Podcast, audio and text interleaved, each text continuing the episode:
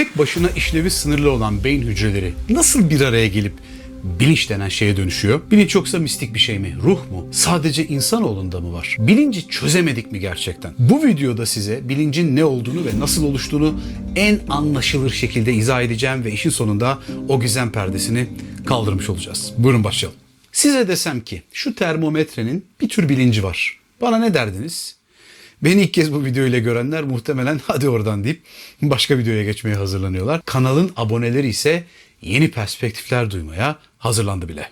Dostlarım bilinç bir modelleme kabiliyeti skalasıdır. Ve bu skala oldukça geniş. Ne demek bu? Bir bilgisayar simülasyonunu düşünün. Mesela dalga dinamiği ile ilgili olsun. Bu simülasyonda elde edilen sonuçlara göre bir gemi dizayn edeceğiz diyelim. Ya da bir depremin oluşturacağı tsunami'nin boyutlarını ve yol açacağı olası zararı hesaplayacağız. Yani aslında neyin simülasyonu olduğu hiç fark etmez. Şimdi bu sanal modellemeyi en iyi şekilde oluşturmak için gerekli olan iki unsur ne? Bir, kaç farklı çeşitte ve sayıda parametreye yani veri girdisine sahibiz. Bu önemli. İki, bu farklı ve çok sayıda veriyi işleyecek nasıl bir işlemci kapasitesine sahibiz. Çünkü ne kadar hızlı işleyebilirsek o kadar gerçek zamanlı ve anlamlı olacak simülasyonumuz öyle değil mi? Şimdi bu iki unsura göre yaptığımız modelleme ultra gerçekçi ve neredeyse henüz olmamış bir geleceği görebilmemizi sağlayan acayip detaylı ve derinlikli bir şey de olabilir veya aksine son derece iki boyutlu, yüzeysel ve gerçeği yansıtmayan basit ve anlamsız bir şey de olabilir. Veya bu iki ucun arasındaki gri bölgede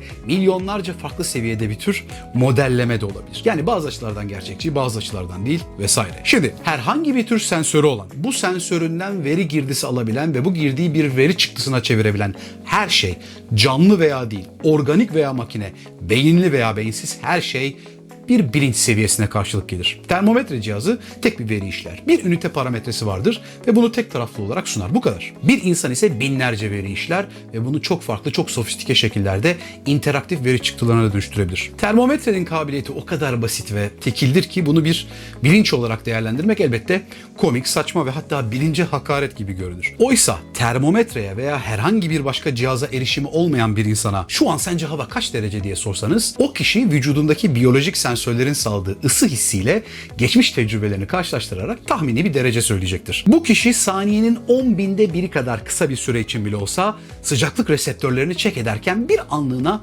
sadece bir termometredir. Ama ondan önce yine çok kısa bir süreliğine sadece sorunun ses dalgalarını alan bir mikrofondur. Bir sonraki an o ses dalgalarını anlamlı bir soruya çeviren bir dekoderdir. Ardından geçmiş tecrübeleri tarayan bir hard disktir. Son olarak cevabı yine ses dalgalarına çeviren bir hoparlördür. Yani bunların hiçbiri tek tek an an ele alındığında bilinçli olmayı gerektirmeyeceğini düşündüğümüz işlemlerdir. Ama tabii karşımızdakini daha derinlikli ve üstün bir termometre modeli olarak görmeyiz. Bize benzeyen bir suretten 2 saniye içinde yanıt almışızdır. Doğaüstü bir ruh daha gerçekçi bir açıklama olmalı diye düşünürüz. Üstelik almış olduğumuz cevap tek işi sıcaklığı ölçmek olan gerçek bir termometre kadar doğru olmayacak olmasına rağmen. Yani karşımızdaki kişi duyabilen, komut algılayabilen, konuşabilen ama tüm bunlara rağmen hiç hassas olmayan son derece kötü bir termometredir. Ve dediğim gibi tüm işlemleri aynı anda değil an ve an arka arkaya yapar. Çünkü en yüksek bilinçli varlıklar olarak bile multitask yani aynı anda çoklu görevler ifa edemeyiz. Düşünceler ve işlemler arasında o kadar hızlı geçiş yaparız ki aynı anda birçok şeyi düşünebiliyormuşuz, yapabiliyormuşuz gibi gelir. İşte bilinci gizemli bir fenomenmiş gibi yapan şey de bu hızdır işlemci kapasitesidir. Bazıları kas hafızasına veya omurilik reflekslerine dayalı eylemler birçok işi aynı anda yapabiliyoruz algısını daha da güçlendirse de bunların tamamı ilizyondur. Bilinç de doğumdan ölüme kadar çok sayıda parametre ile çok hızlı şekilde sürekli kendimizi içerisinde modellediğimiz bir simülasyondur. Bilinç seviyeleri dediğim gibi çok sayıda ve birbirine yakın noktalarda yer aldığı için farklı bilim insanları kategorilendirmeler yapabilmek adına farklı metotlarla yaklaştılar. Önce birkaç farklı yönteme değineceğim.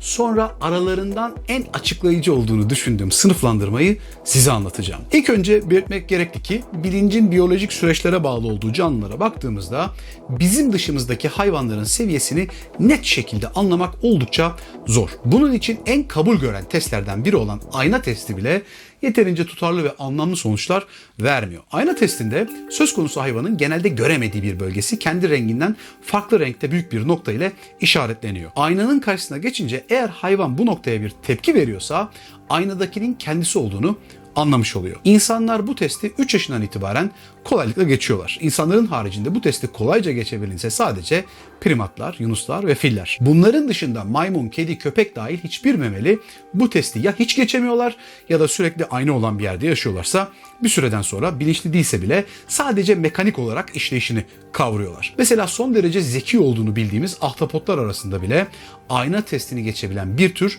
henüz olmadı. Ancak tabi testi geçememeleri bir bilinç olmadığını göstermiyor. Sadece bilincin türüne ve seviyesine ilişkin bir fikir veriyor. Aynaya bizim gibi tepki vermiyor olabilirler ama mesela uyku ve uyanıklık durumları arasındaki beyin aktiviteleri bizimkiyle neredeyse aynı. Rüya görüyorlar, bilinçaltları var, geçmiş tecrübelerden etkileniyorlar vesaire. 18. ve 19. yüzyıl boyunca biyologlar bilinç meselesini hep tartıştılar ve ikiye ayrıldılar. Bir taraf bilincin az önce bahsettiğim türden mekanik süreçlere indirgenemeyeceğini savundu ve bu yaklaşıma hep karşı çıktı. Bilinci doğaüstü bir fenomen olarak algılamamıza neden olan vitalizm felsefesi örneğin böyle doğdu. Bugün de bu felsefeyi savunan ve işin mekanik özüne karşı çıkmaya devam eden çok büyük bir kesim var. Karşı çıkıyorlar ama hala bu süreçler dışında ortaya konabilmiş hiçbir şey yok. Aksine öğrendiğimiz her şey tersini işaret etmeye devam ediyor. O kadar ki bu biyolojik süreçleri ne kadar çok yazılımsal ve mekanik alanda taklit edebilirsek bilinçli gibi olan makinelere o kadar yaklaşacağımızı düşünüyoruz. Yapay bilinç konusuna birazdan geleceğim. Bilincin mistik bir ya var ya yok fenomeninden ziyade çok daha geniş bir skalada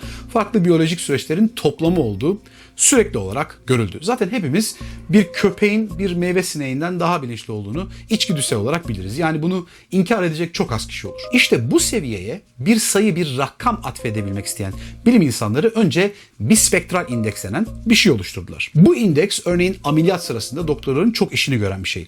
Birkaç farklı beyin sinyalini ölçüp bunları birleştirerek tek bir rakama dönüştürüyor. Bu da anesteziste ne yapması gerektiği konusunda bir referans veriyor örneğin. Teoride güzel ama pratikte bazen bilincin bariz işaretleriyle tutarsızlık gösteren bir yöntem bu. Kimi zaman bispektral indeks sayısı düşük olmasına rağmen hastalar ameliyat sırasında gözünü açabiliyor. Veya anestezi altındayken doktorun söylediklerini hatırlıyorlar vesaire. Yani o sırada bilinç var veya yok demek için yeterli olmayabiliyor. Bu nedenle İtalyan nöroloji uzmanı Marcello Massimini PCI yani pertübasyonel karmaşıklık indeksi denen bir metot geliştirdi. Bu metot ile beynin bir bölümü manyetik atımla stimüle ediliyor ve bu bölgede oluşan sinyallerin diğer bölgelere yayılması izleniyor. Daha sonra da beyinde oluşan sinyal ağının karmaşıklığı bir algoritma kullanılarak tek bir rakama sıkıştırılıyor. Örneğin komadayken bu yayılmanın karmaşıklığı azalıyor. Dolayısıyla PCI sayısı düşüyor. Bu PCI ölçümünün bispektral indeksten çok çok daha gerçekçi, hassas ve tutarlı olduğu görüldü. Bir diğer yaklaşım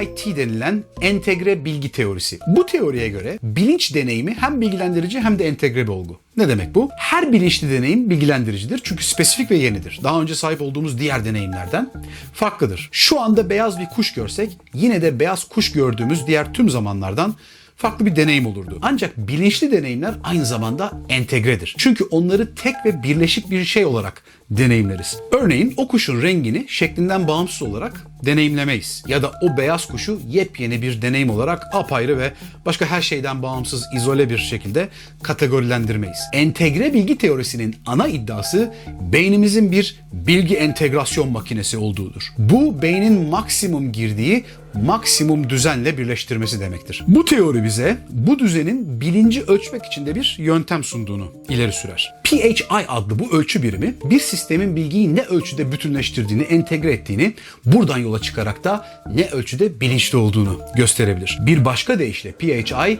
bir sistemin kendi parçaları tarafından tek tek üretilen bilgilere kıyasla tüm sistemin ne kadar bilgi ürettiğini ölçmek için kullanılabilir. Yüksek seviye bilinci oluşturan en ayırt edici özelliklerden biri her bir parçanın diğer parçalarla olan karmaşık ilişkisi ve bu ilişki sayesinde veri çıktısının veri girdisinden daha fazla olabilmesidir. Tüm sistem ne kadar fazla ek bilgi üretirse PHI o kadar yüksek oluyor ve entegre bilgi teorisine göre sistem o kadar bilinçli oluyor. Ancak dikkat ederseniz bu yaklaşımın adında teori kelimesi var. Çünkü pratikte PHI'yi ölçmek neredeyse imkansız. Entegre bilgi teorisi akla çok yatkın bir yaklaşım olsa da sadece bir felsefenin parçası olarak bir bilinç teorisi oluşturuyor. Yani bir yerlere elektrotlar bağlayıp frekanslar falan ölçüp buna ulaşamıyoruz. Daha ziyade gözlemsel analizlerle biraz subjektif olarak değerlendiriyoruz. Yani keskin kategoriler oluşturmamızı ve meseleyi anlamamızı pek kolaylaştırmıyor. Gelelim bilinci ve bilinç seviyelerini açıklamada benim şahsen en beğendiğim yaklaşıma. Bu teorinin başını çeken kişi de Japon asıllı Amerikalı teorik fizikçi ve fütürist Michio Kaku. Bence Kaku'nun olaya bakışı kafadaki soru işaretlerini neredeyse tamamen ortadan kaldırıyor. En başta bahsettiğim modelleme kabiliyeti skalası onun yaklaşımının sonucu olarak ortaya çıkıyor. Kaku diyor ki bilinç, uzay, zaman ve başkalarıyla ilişkilerdeki konumumuzun modellerinin sürekli olarak yaratılmasıdır. Dolayısıyla tüm canlı ve makinelere ilişkin bilinç kategorileri kendilerini modellemelerini sağlayacak geri bildirim döngüleri sayısına ve türüne bakılarak oluşturulabilir. O halde şimdi gelin bu son derece açıklayıcı seviyelere bir göz atalım. İlk seviye sıfır seviyesi. Bunlar kendi pozisyonlarını sadece birkaç parametrede modelleyebilen şeyler. Bir ünite geri bildirimi olan termometre gibi. Ya da sadece 10 ünite geri bildirimi olan bir çiçeği düşünün. Bu çiçeğin uzaydaki parametreleri sadece sıcaklık, güneş ışığının geldiği yön, yer çekiminin yönü, karbondioksit seviyesi ve ortamdaki suyun algılanması gibi şeyler. Benzeri şekilde virüsler, bakteriler, böcekler bunlar hep veri girdisi ve çıktısı iki elin parmağını geçmeyen türden canlılar. Bugün en güçlü bilgisayarlar bile hala bu kategoride yani sıfır kategorisinde yer alıyorlar ve kendi farkındalıklarını oluşturamıyorlar. Çünkü entegre bilgi teorisinin gereği olan o durum yok. Yani parçalarının saldığı bilgiden daha fazlasını ve yenisini ortaya çıkaramıyor. PHI seviyesi yok düzeyinde. Komponentler yani bilgisayarı oluşturan parçalar arasındaki ilişki hızlı ama hiç karmaşık değil. Ne var ki bazı yapay zeka yazılımlarında çok düşük de olsa bir PHI seviyesi görmeye başlamış olabiliriz. Örneğin yazdığınız cümlelerdeki sözcüklere bakarak ortaya soyut bir yağlı boya tablosu çıkarabilen veya daha önce var olmayan bir müziği besteleyebilen türde yapay zeka algoritmaları bu yönde ilerleme kaydetme potansiyeli olan şeyler. Yani bunlar bile aslında hala çok gelişmiş illüzyonlar ama bekleyip göreceğiz bakalım. İnsanoğlunun yaratıcılığından umut kesilmez. Sırada birinci seviye var. Bu seviyede reptilyan yani sürüngen beyne sahip hayvanlar bulunuyor. Mesela timsahlar, yılanlar ve benzerleri. Bildiğiniz gibi bizim beynimizin de en eski olan kısmı bir reptilyan beyin. Maymun beynimiz ve neokorteksimiz bu reptilyan beynin üzerine geldi. Reptilyan beyin 100 civarı parametre ile modelleme yapıyor. Yani ortalama 100 ünite gücünde. Bu bilinç kategorisinde duygular yok denecek seviyede. Bireyleri ayırt edici karakter özellikleri yok denecek seviyede. Bu kategorideki türler 3 boyutlu uzaydaki pozisyonlarını durmaksızın mükemmel şekilde modelleyebiliyorlar. Sıfır seviyesiyle arasındaki fark parametrelerin sayısının artmasından ziyade işlemci gücünün dramatik şekilde artmış olması. Yani birinci seviyede işlenilen veri sayısı daha fazla ama veri türü sıfır seviyesindeki veri türüyle hemen hemen aynı. Fakat gelişmiş işlemci sayesinde modellemeyi o kadar iyi ve hızlı şekilde yapabiliyorlar ki örneğin süper bilgisayarlara bağlı bir robot kertenkele bile biyolojik bir kertenkelenin karar alma ve uygulama hızına kolay kolay yetişemez. Günümüzdeki en gelişmiş makinelerden, yazılımlardan bazıları bu seviyededir diyebilirdik aslında ama onlar bile bunu o kertenkelenin yaptığı süreler boyunca yapamazlar ve özellikle de o kertenkelenin harcadığı enerji miktarı ile yapamazlar. Bu da bilinç geliştirmeye engel bir durum yaratıyor. Çünkü farkındalık oluşmaya başlaması yapılan modellemenin sürekliliğiyle mümkün. Burada Kaku'nun bahsetmediği ama benim bu seviyeye şahsen eklemek istediğim bir şey var. Bence entegre bilgi teorisi gereği bazı canlı türlerini hem sıfır seviyesinde hem de birinci seviyede değerlendirebiliriz. Mesela birlikte hareket ettiklerinde tek tek bireylerinden daha sofistike bir organizmaymış gibi hareket edebilen, strateji uygulayabilen türler mevcut. Karıncalar, arılar, balıklar, kuşlar vesaire. Mesela parametre sayısı ve işlemci kapasitesi açısından karınca sıfır seviyesinde görünüyor. Ama bir koloni olarak ele alırsak bireylerin birbirleriyle ve tüm koloniyle olan karmaşık ilişkisi nedeniyle parçaların saldığı bilgiden daha fazlasının ortaya çıktığını gözlemliyoruz. Stratejiler kuruyorlar, köprüler oluşturuyorlar, sorunları çözüyorlar vesaire. Ama dediğim gibi bu benim getirdiğim bir yorum. Siz de tüm bu seviyelere ve açıklamalara ilişkin kendi yaklaşımlarınızı lütfen yorumlara yazın. Geçelim ikinci seviyeye. İkinci seviye bilinç şu. Bu seviyedeki hayvan türleri hem kendi pozisyonlarını hem de gruptaki diğer hayvanların pozisyonlarını ve kendileri dahil tüm o hayvanların sosyal pozisyonlarını modelleyebilecek ve mümkün olduğu takdirde bu sosyal pozisyonu değiştirebilecek olan türler. Bu da bin ve üzeri sayıda geri bildirim parametresine ihtiyaç duyuyor. Farelerin, kedilerin, köpeklerin, kurtların, maymunların bilinci hep bu kategoride. Yani sosyal bilinç. Yani birinci seviye ile ikinci seviye arasındaki en önemli fark artan parametre sayısı dışında o yeni verilerin grubun diğer üyeleriyle etkileşime yol açması. Ve son kategori olan üçüncü seviye. Bu seviyede tahmin edebileceğiniz gibi sadece biz varız. Neden? Üçüncü seviyenin 2'den farkı ne? Bu kez parametre sayısında öyle çok dramatik bir artış yok. Bir şempanze ile bir insan kendini modelleme konusunda hemen hemen aynı ünite sayısına sahip. Ama işlemci gücü biraz daha artınca çok sayıda verinin çok hızlı şekilde işlenebilmesiyle birlikte başka canlılarda var olmayan bir süreklilik algısı ortaya çıkıyor. Bu da başka canlılar için daha önce var olmamış türde yeni bir parametre doğuruyor. İnsanın bu simülasyon içerisinde kendi modellemesini farklı kılan ve çağlar içinde sürekli işlemci kapasitesini de geliştirmesine yardımcı olmuş olan o şey ne mi? Zaman parametreleri kendimizi ve başka her şeyi uzak gelecekte veya uzak geçmişte bile modelleyebiliyoruz. Karmaşık planlar yapabilmek, yaratıcı olabilmek, soyut düşünebilmek, sanat ortaya çıkarabilmek, mizah yapabilmek, empati kurabilmek, varoluşu sorgulamak, insanı insan yapan şeylerin hepsi ama hepsi istisnasız sadece zamanda modelleme ile mümkün oluyor. Mizahtan örnek vereyim. İnsan dışında hiçbir canlının mizah anlayışı yok çünkü bir şeyin komik olması sadece geleceğe dair bir öngörü sahibiyseniz mümkündür. Bilinç altında bile olsa bir gelecek modellemesini yapmış olacaksınız ki hikayenin sonu veya cümlenin sonu sizin modelinizle yani beklentinizle, öngörünüzle uyuşmadığında, örtüşmediğinde şaşıracaksınız. Siniriniz bozulacak ve güleceksiniz. Benzer şekilde sanat daha önce belli süreler boyunca aklınızda tasarlamış olduğunuz bir şeyi gelecek zamanda gerçek dünyada bir tuvalin üzerine veya beyaz perdenin üzerine veya bir taşın üzerine projeksiyon olarak yansıtmaktır. Bizlerle en uzun süre birlikte yaşamış en sofistike sosyal bilince sahip hayvanlara bile zaman konseptlerini öğretmek neredeyse imkansız. Köpeğiniz sesinizin tonundan veya kullandığınız kelimelerin oluşturduğu ses diziliminden geçmiş tecrübeleriyle onu terk etmediğinizi, geri döneceğinizi kavrıyor olabilir belki. Ama yine de gündüz, gece, iki gün, üç gün veya belli bir saat süre sonra döneceğinizi kavraması olanak dışı. Bu yüzden her ayrılışınızda sanki onu terk ediyormuşsunuz gibi davranıp her dönüşünüzde sanki dönmeniz onu çok şaşırtmış veya aradan yıllar geçmiş gibi karşılıyor. Çünkü bizim dışımızda hemen hemen her canlı anı yaşamakla meşguldür.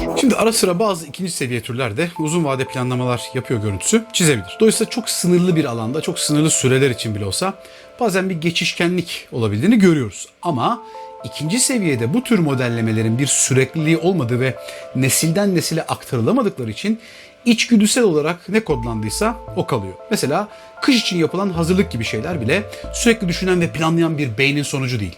İçgüdülerin sonucu. Yani o bilinçli planlama gibi görünen sürecin üzerinde neredeyse hiç kontrolleri yok. Planlama şeklini değiştiremezler. Zamanlamasını değiştiremezler. Sürekli daha verimli hale getiremezler vesaire. Ancak benzer şekilde 3. seviyeden 2. seviyede geçiş olabiliyor. Örneğin yaşlandığımızda hafıza gibi çok önemli bir sistemi eskisi gibi iyi kullanamamaya başlıyoruz. Yahut bir kaza geçiriyoruz ve bitkisel hayata giriyoruz. Ne deniyor böyle durumlarda? Dikkat ettiniz mi? Bilinci kapalı ya da bilincini kaybetti ya da yaşlar için artık kendini bilmiyor, nerede olduğunu bilmiyor, kiminle konuştuğunu bilmiyor gibi şeyler deniyor değil mi? Aslında söylenmek istenen ne? Atıyorum 30 bin parametreden 20 bini artık çalışmıyor denilmek isteniyor aslında. Yani artık uzayda ve zamanda kendine ilişkin doğru ve tutarlı bir model oluşturamıyor. Gözlerimiz beynin dünyayı filtresiz şekilde tüm gerçekliğiyle gördüğü bir pencere falan değil. Beyin kör, sağır ve hissiz. Tek yapabildiği gelen sinyalleri en tutarlı şekilde yorumlamak. Yani hayat her canlı için vücutta var olan imkanlarla beyinde yaratılmış bir simülasyon. Beynin dünyaya dair en iyi tahmini. Bu nedenle bilincin bazen insanüstü seviyelere çıkması da mümkün. Belli ilaçlar ve uyuşturucuların kullanımı sonrası yeni algı parametrelerinin